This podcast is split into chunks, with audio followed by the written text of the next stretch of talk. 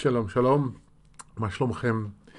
אני אה, רוצה להקדיש את הפרק הזה בפודקאסט לחשיפה. זה נושא שאני מתעסק בו בעצם ומדבר עליו אה, במהלך הפודקאסט בכל מיני הקשרים.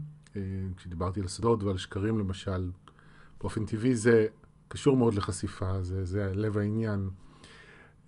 אבל אני החלטתי בכל זאת לנסות וליצור uh, פרק שחשיפה היא הכותרת, היא השם של ה... לא יודע אם זה השם, אבל זה לפחות הנושא. Uh, בעיקר משתי סיבות. א', כי אני מחפש על מה לדבר. Uh, מחפש נושאים uh, שאפשר לבנות סביבם פרקים, uh, וזה נושא שבאופן ממוקד לא דיברתי עליו. וגם משום שזה נושא שאני מתעסק בו מאוד בשבוע הזה, ומתוך המסע שלי והחוויה שלי עם הנושא הזה, אני רוצה לדבר על זה. שזה בכלל, אה, תמיד, אה, יש את המשפט הזה שהוא תמיד נכון, שאנחנו מלמדים את מה שאנחנו צריכים ללמוד, ולפני איזה שבוע-שבועיים עברתי כזה על הפרקים שהקלטתי בפודקאסט עד היום, כדי ככה להיזכר ועל מה דיברתי ועל מה לא דיברתי, בחיפוש שלי אחר נושאים, ואז שמתי לב לאיזשהו רצף של פרקים, שפשוט אה, ראיתי את ה... איך הרצף הזה של הפרקים טעם באופן מדויק את התהליך שאני עובר. אה, ראיתי את זה בבהירות שלא קלטתי אותה תוך כדי. זה פתאום נהיה ברור, והפעם זה מאוד ברור. אה, אני מקליט את הפרק הזה כמה שעות לפני המפגש שלי ושל ורדה, המורה שלי. אנחנו מקיימים פעם בחודש מפגש משותף, ולקראת המפגש הזה יש אה, מספר קטן של נרשמים יחסית אה, למפגשים קודמים, ויחסית כמובן גם למה שאנחנו רוצים. אה, ואנחנו מדברים על זה, למה זה קורה ולמה אנחנו יוצרים את המציאות הזו.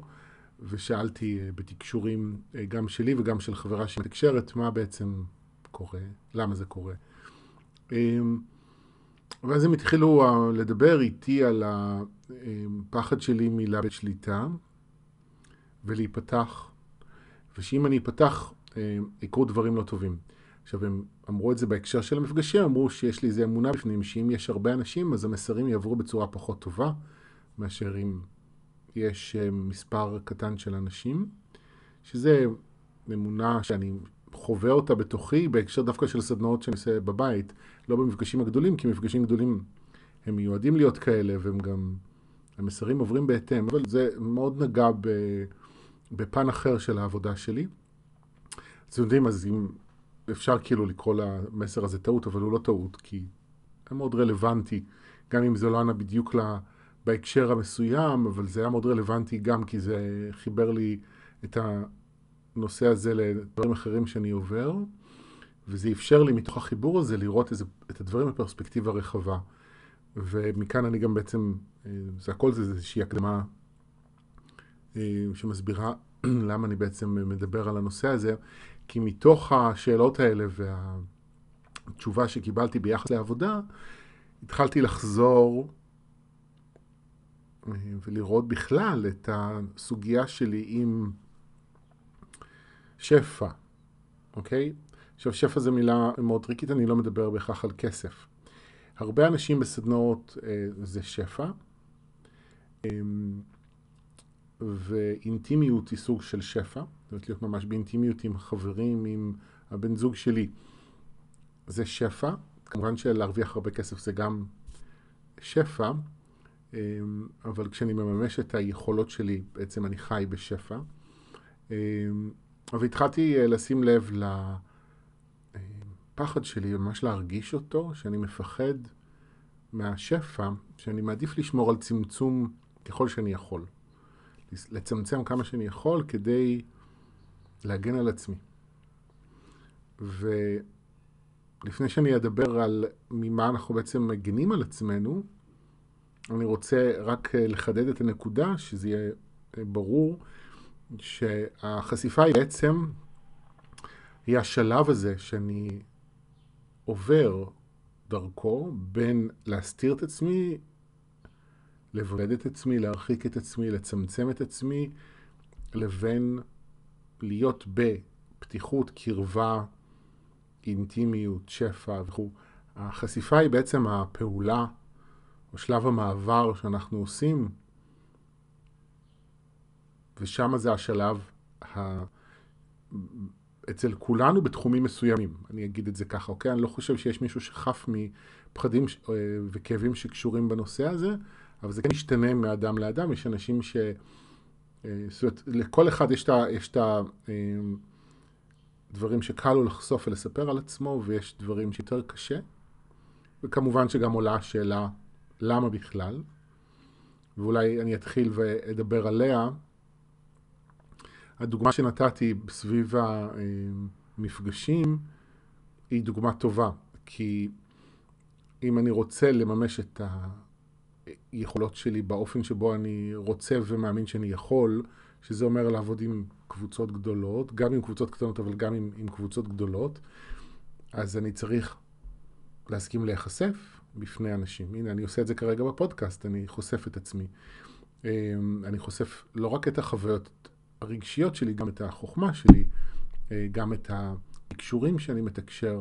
אני עושה את זה בכל מיני צורות. אני צריך לעשות את החשיפה הזו כדי לאפשר לאנשים להכיר אותי ושיבואו אנשים למפגשים, לסדנאות, לתקשורים הפרטיים שאני עושה, שיבואו ללמוד אצלי פרטי תקשור. כל הדברים שאני עושה, אם אני לא אחשוף את עצמי ולא אספר על עצמי, אז איך אנשים ידעו? אותו דבר למשל לגבי זוגיות, אם אני באמת, זאת אומרת אפשר להיות בזוגיות. באופן עקרוני, באופן תיאורטי זה לא סיפור כזה מסובך, למרות שאני עברתי שנים uh, של רווקות מאוד uh, ארוכים ושהיה לי מאוד קשה ליצור זוגיות, אבל ברמה מסוימת היצירה של הזוגיות היא לא הקטע, אלא להישאר בזה לאורך זמן ובאמת ליצור עומק וליצור אינטימיות. בשביל ליצור את האינטימיות הזו, שבה אני יכול להיות פגיע עם הבן זוג שלי, שבה אני יכול אה, לחשוף את החוכמה שלי וגם את החולשה שלי, אני חייב לחשוף, אני חייב להיחשף. אה, וכנ"ל, אני אומר את זה בהקשר של זוגיות, זה גם לגבי חברות.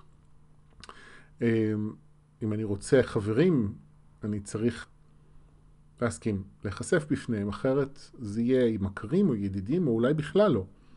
זאת אומרת, זה איזושהי החלטה או הסכמה שאני פותח את הדלת בכל פעם, באופן שבו מתאים לי, אבל אני פותח אותה כדי לאפשר את האינטימיות, את הקרבה, את השפע, והפתיחה של הדלת היא בעצם הפעולה שעליה אני רוצה לדבר.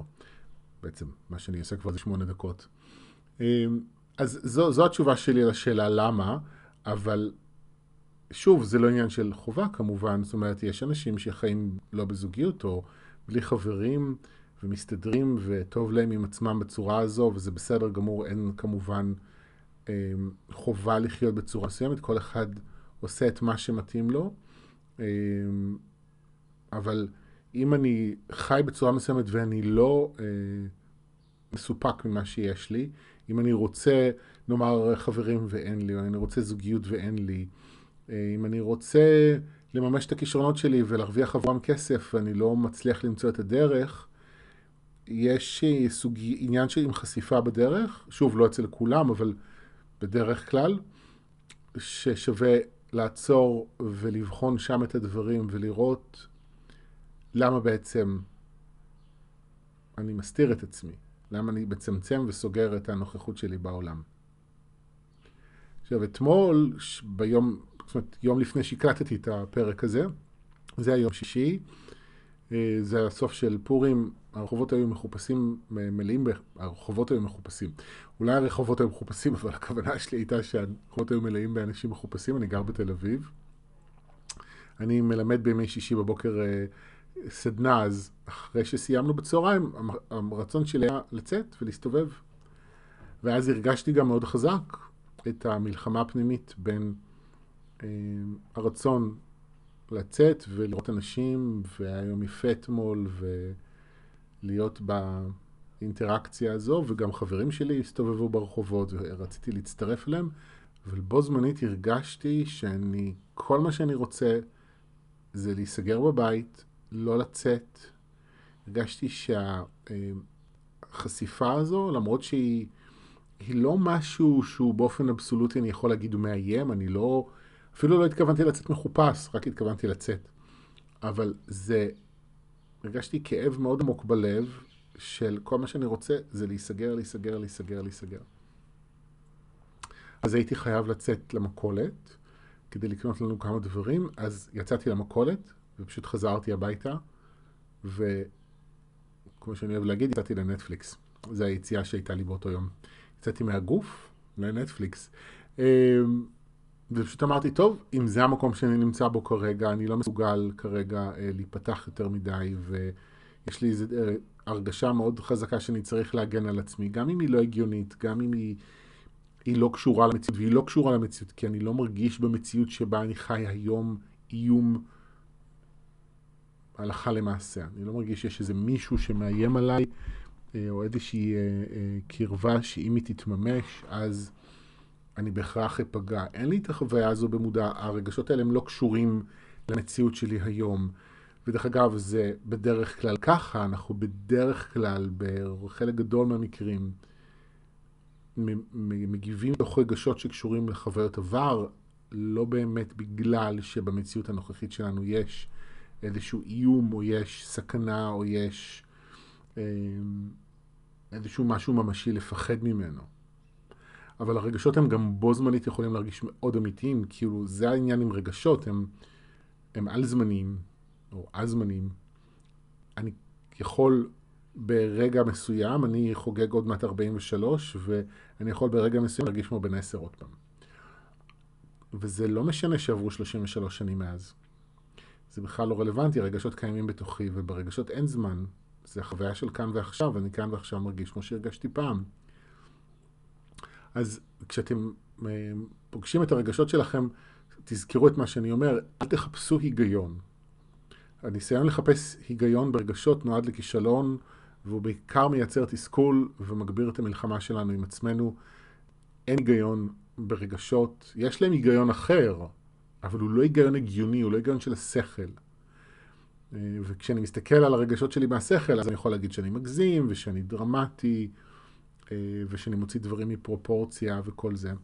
אבל אם אני עוזב רגע את זה, ואני פשוט מוכן להיות מי שאני כרגע, שזה מה שעשיתי אתמול, אמרתי, אוקיי, זה מי שאני כרגע. אני צריך לכבד את זה.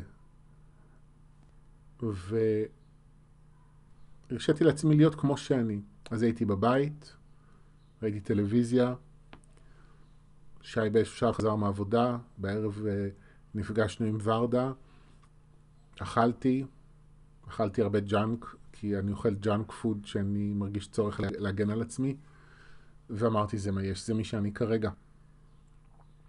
וזה חלק מאוד, מאוד עקרוני ומהותי מהדרך שלי, ללכת מי שאני, זה מה שאני לומד הרבה שנים, וזה גם מה שאני מלמד בשנים האחרונות, ללכת עם הרגשות.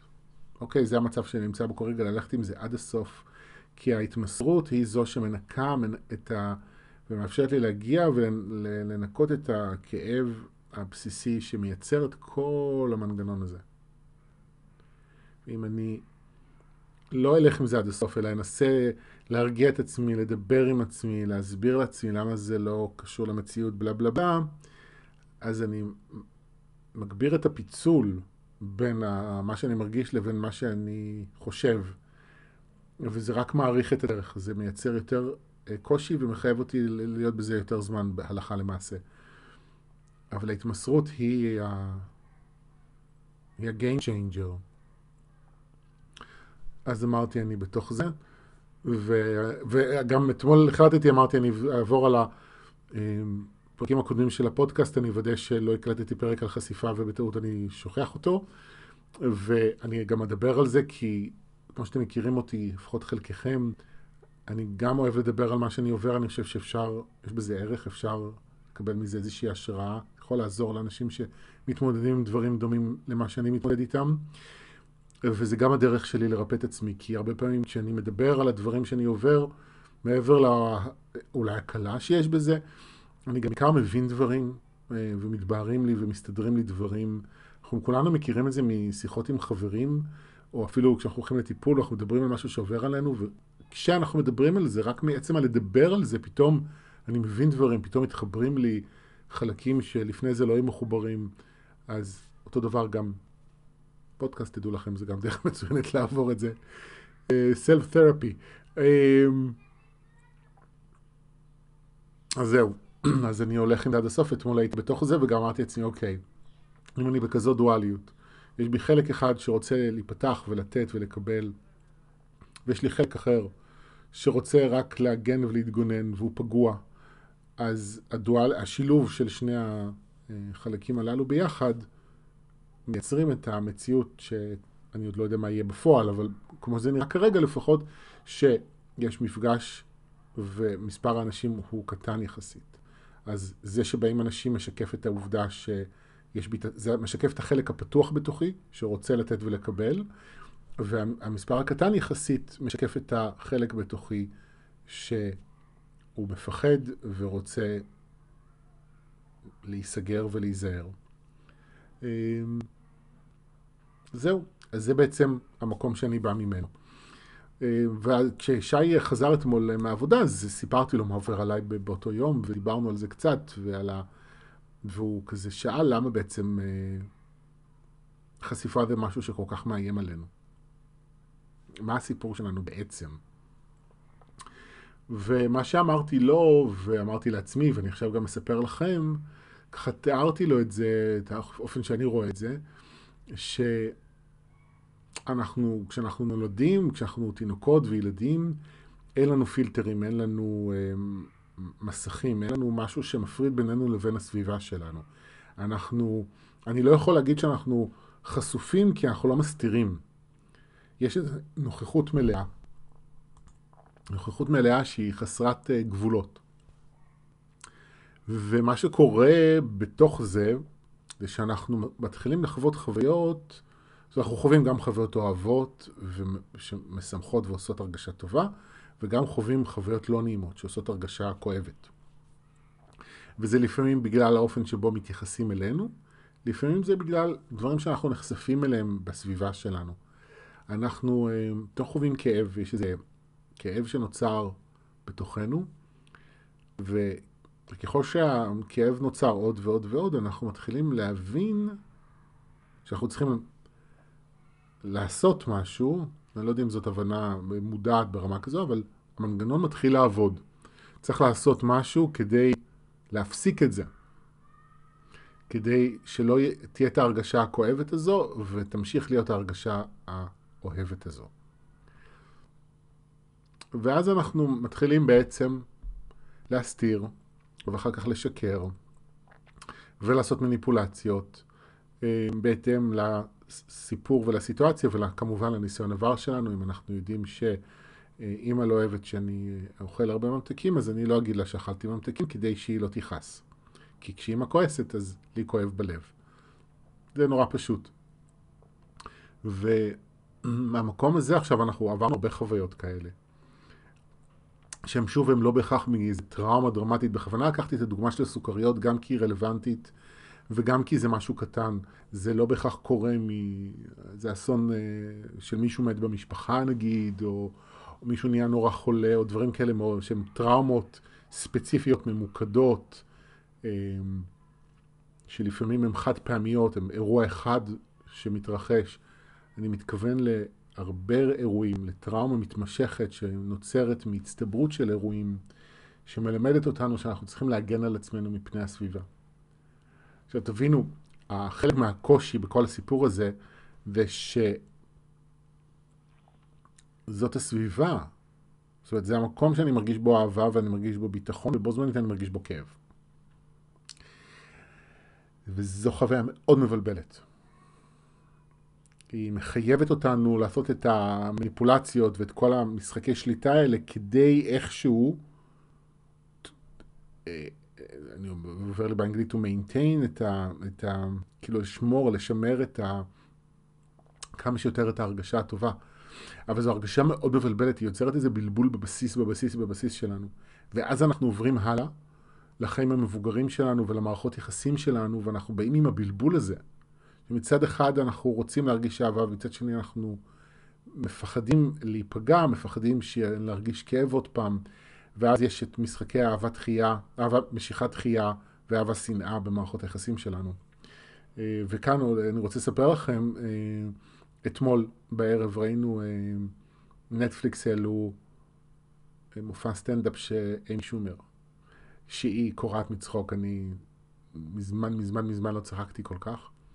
אחד הדברים שהיא דיברה עליהם, וזה כזה היה לי mind blowing, גם בכלל חשבתי על זה. יש את הקטע הזה כזה בגן, או סלאש בתחילת בית ספר יסודי, שבנים מציקים לבנות, ואז, טוב, זה סימן שהוא אוהב אותך, סימן שהוא אה, מחבב אותך וזה, והיא אומרת, מלמדים אותנו בעצם מגיל צעיר, שפגיעה זו אהבה. אז מה הפלא שכשאנחנו גדלות, אנחנו שוב פעם ושוב פעם הולכים לפוגשות גברים, ש... פוגעים בנו, שמתנכסים אלינו לא יפה, שמתעללים בנו, ואנחנו חושבות שהכל בסדר, ואנחנו לא מבינות למה אנחנו מייצרים את אותו דבר. באמת, מלמדים אותנו את זה מגיל צעיר. זה ממש, היה לי כזה, וואו, אוקיי, נכון, נכון, נכון, ברור, כאילו, בכלל חשבתי על זה, כמה דפוק זה, אה, לחבר לילדים קטנים אה, כאב ועלבון והשפלה ופגיעה עם אהבה או מחבב אותך, לא משנה, אבל וריאציות של אהבה. אבל האמת שזה לא מתחיל שם, זה כבר מתחיל עוד בבית, במה שתיאר, איך שתיארתי את זה קודם, מסביר את זה. ואנחנו גדלים עם הבלבול הזה, וזה עושה לנו המון המון בלאגן אחר כך במערכות יחסים. ואז אנחנו באים למערכת יחסים, יכולה להיות זוגית, יכולה להיות חברית, יכולה להיות אפילו עסקית. כי מה שתיארתי על המפגשים והזה, זה, זה בעצם סוג של מערכת יחסים. אבל היא כאילו עסקית, זאת אומרת, היא עם הרבה אנשים, במקרה של העבודה שלי, אבל זה יכול להיות גם עסקית עם הבוס, או עם הקולגות שלי במשרד, זאת אומרת, זה לא בהכרח מוגבל רק ללהיות עצמאי ולעבוד עם אנשים. זה גם סוגים של מערכות יחסים, ואני בא עם הדואליות הזאת של, רגע, אם קרוב פה, ואם נעים פה, ואם יש פה אהבה, אה, ויש תמיכה ויש קבלה, אז בטח הולכת להיות פגיעה. כי ברור, כי ככה גדלתי, אז אני חייב להיזהר. אז אני לא יכול להגיד את כל האמת, ואני צריך להסתיר את עצמי, ואני לפעמים צריך לשקר ולעשות מניפולציות, ואם אה, כל מיני חלקים בתוכי נחשפים, אה, אז אני נורא נבהל, כי אני בטוח שהולכים לדחות אותי. אה, אני בטוח בזה. עכשיו, אני לא רוצה כמובן שיהיה איזה רושם, ישתמע מהדברים שלי, ש... כל האנשים מסביבנו הם אה, לוי דווי, כולם דובוני אכפת לי, שקשת יוצאת להם מהבטן או מהלב, ו, ורק אני לא סומך על אנשים. לא, אנשים הם אנשים, הם גם וגם בעצמם, וזה לא בהכרח שההשראה שלי, ה vision שלי, לאיזה אדם אני רוצה להיות, הוא אדם שמספר את האמת לכולם ופותח את הלב שלו בפני כולם, עם כולם. לא, ממש לא, זה לא הקטע. חשיפה צריכה להיות חכמה. איזה אמת אני אומר, למי אני אומר, למה אני אומר את האמת. לא תמיד, יש מקרים בודדים אפילו שלהגיד את האמת זה לא בהכרח דבר טוב. אבל זה לא אומר שזה טוב לשקר, אבל... קיצור, זה מורכב, צריך לחקור את הדברים האלה. אבל אני לא יכול באמת לחקור את הדברים האלה ולקבל החלטות מתוך איזה חופש בחירה כשאני מתנהל מתוך אוטומט. ואם האוטומט שלי אומר, אני חייב להימנע מחשיפה במצבים מסוימים, כי אני בטוח שהולך לכאוב לי, זה, זה אוטומט. והדפוס הזה תמיד יעבוד, הוא יעבוד גם אם הוא לא משרת אותי. הוא יעבוד, כי הוא אוטומט, זה מנגנון הגנה.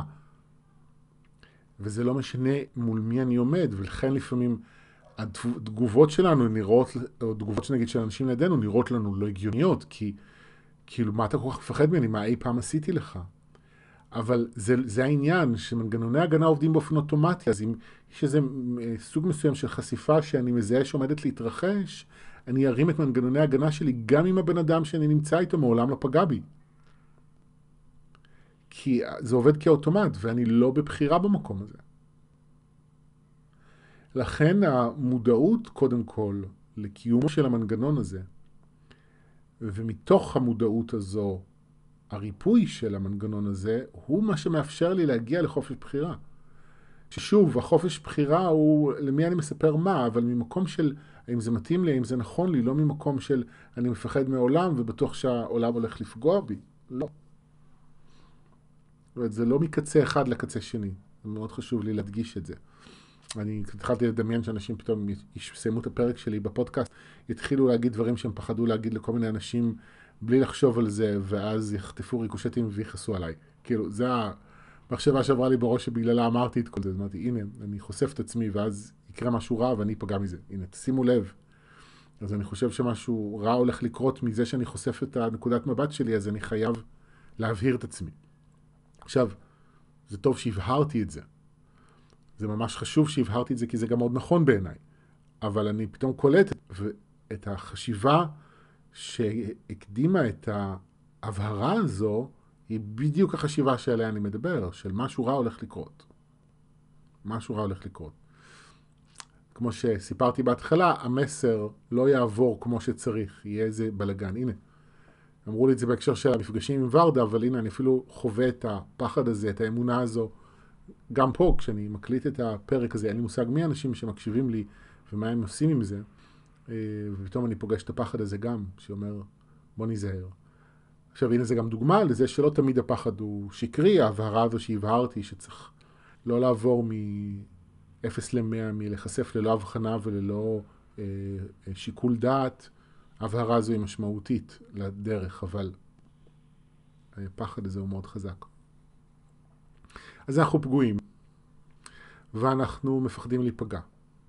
אבל אני גם רוצה להגיד שכל זה, אני מדבר כל הזמן על האנשים בחוץ, אבל חשיפה היא גם מתחילה ביני לביני.